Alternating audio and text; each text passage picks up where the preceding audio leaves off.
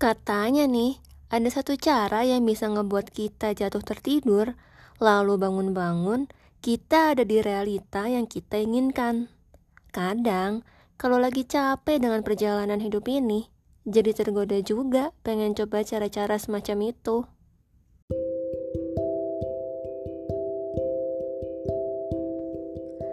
Halo, aku Jojo dan juga Joan.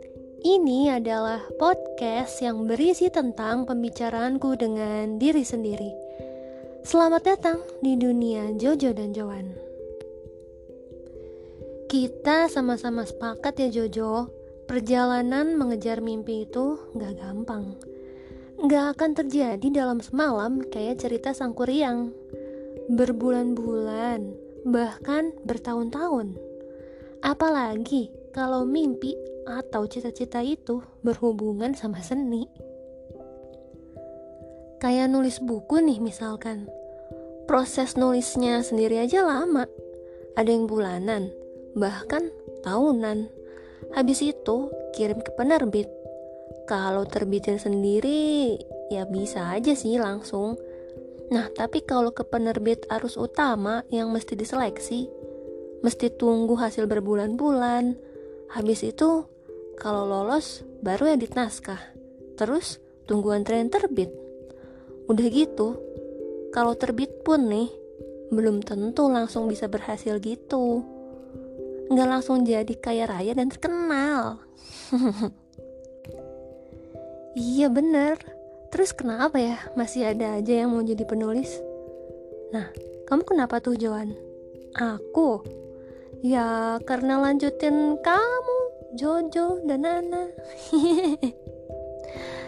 Intinya sih karena aku merasa ingin berbagi.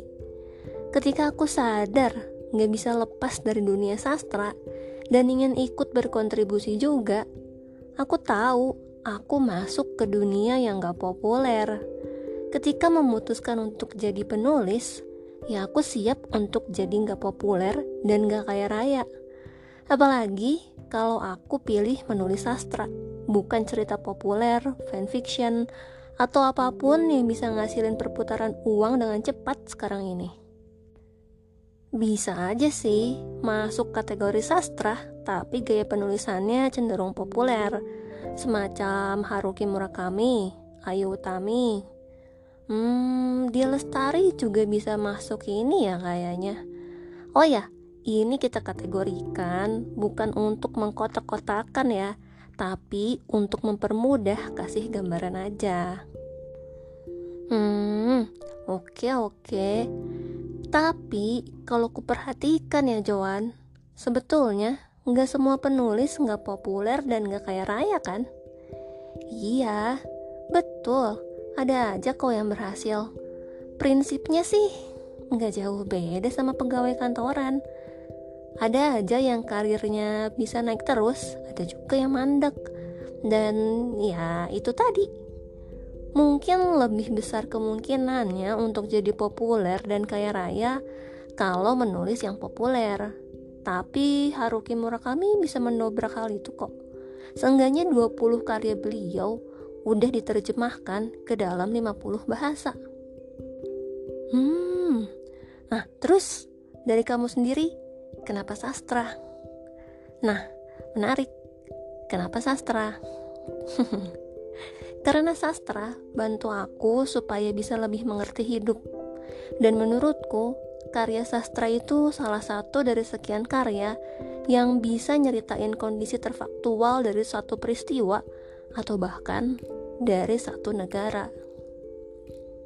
Cerita atau budaya populer nggak jelek, sama sekali enggak tapi buat mengerti sesuatu dengan lebih utuh dan mendalam sih, karya sastra bisa jadi pilihan menurutku. Entah itu fiksi semacam novel, cerita pendek, drama, atau non fiksi kayak esai. Kadang nih Jojo, kalau kita selesai baca buku, ada kesan lucu ya nih buku, atau ngeselin banget baca buku ini ceritanya gak jelas atau Edan kok nggak pernah kepikiran nih hal kayak gini selama ini gue ke mana aja sih? Nah, aku termasuk pembaca yang nyari kesan ketiga itu. Karena aku ngerasa tercerahkan gitu. Dan itu bisa aku dapetin di sastra.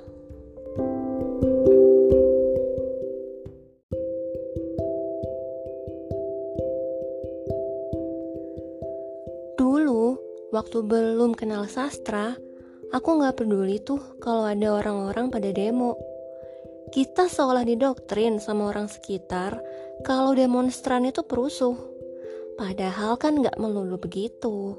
Yang merusuh itu oknum, yang nggak ngerti cita-cita dasar, yang jadi kepentingan mereka turun ke jalan. Mungkin beberapa orang akan gak setuju dengan pendapatku ini, tapi menurutku, kekerasan itu bukan cuma saat demonstrasi aja sebetulnya, adalah buah dari sisi maskulin yang berlebihan, yang gak seimbang. Kalau itu ada saat unjuk rasa terjadi, kondisi itu malah bisa bikin masyarakat resah, takut, khawatir. Ya, maksudku sih begini. Kalau sama-sama menyebar rasa takut, kita juga bingung kan siapa sebetulnya yang ada di pihak kita itu. Walaupun kita juga sama-sama sadar, kalau nggak ada demonstrasi, jangan-jangan kita masih di bawah kekuasaan enak zamanku toh. Balik lagi ke sastra. Tanpa bersinggungan dengan dunia sastra, aku juga nggak akan tahu cerita soal Wiji Tukul, penyair kita yang dihilangkan secara paksa gara-gara ikut melawan kekuasaan Orde Baru, atau juga kegiatan kamisan yang merupakan kelanjutan tuntutan dari keluarga orang-orang yang sudah dihilangkan itu. Sejarah di sekolah, nggak ada bahas hal begini kan? Waktu kamu sekolah juga nggak begitu kan Jojo? Hmm, iya nih, seingatku nggak ada ya. Hmm, Oke, aku mulai ngerti Joan, kenapa kamu suka sama dunia sastra. Karena memperkaya pengetahuan kita juga kan? Iya, ngebuka pikiran kita, juga ngelatih untuk berpikir kritis. Nggak terima-terima aja kalau dapat satu informasi baru. Bikin kita mikir dulu sebelum ngelakuin sesuatu. Nggak sembarang ikut-ikutan orang sekitar. Menurutku, itu diperluin banget kan zaman sekarang karena informasi bergerak cepet banget. Hmm, iya betul, setuju. Terus, lewat karya sastra fiksi, banyak hal-hal penting kayak sejarah yang gak tercatat dalam buku pelajaran sejarah tadi dikemas dengan menarik Jojo. Selain belajar sejarah atau hal penting lainnya, semisal nilai moral aku dapat pengalaman lain. Waktu baca buku itu, aku ngalamin perasaan-perasaan yang rumit yang belum pernah aku rasain di dunia nyata. Itu bener-bener kena sedalam itu. Kayak ngerasain jadi orang lain di kehidupan yang lain. Tapi sudut pandang kita nggak cuma satu. Dan nilai-nilai moral yang diselipin di cerita itu nggak kaku, nggak cuma hitam putih aja.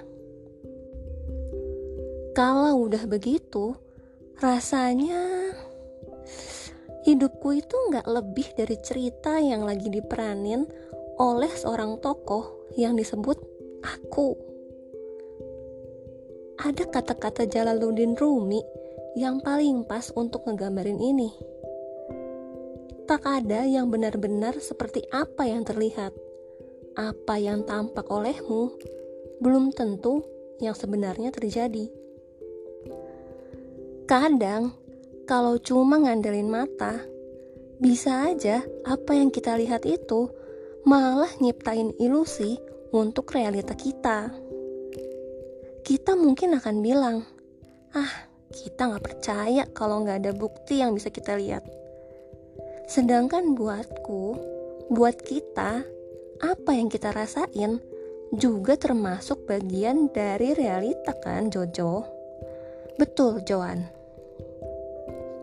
Itulah kenapa kita memilih untuk menikmati hidup dengan jadi pemimpi kan?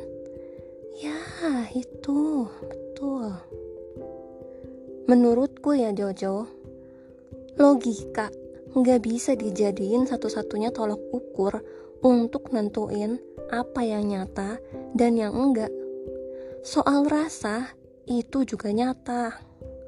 Yang sayangnya sering dianggap nggak valid oleh masyarakat kita. Orang yang perasa sering dianggap lemah Padahal kita udah sama-sama tahu, pemimpin yang terlalu mengandalkan logika dalam pengambilan keputusannya bisa jadi seorang diktator yang kejam dan dingin. Di sisi lain, rakyat yang terlalu pasrah menerima nasib karena kalah dengan rasa takut misalnya, juga akan terus diinjak-injak. Lagi-lagi, ini soal keseimbangan.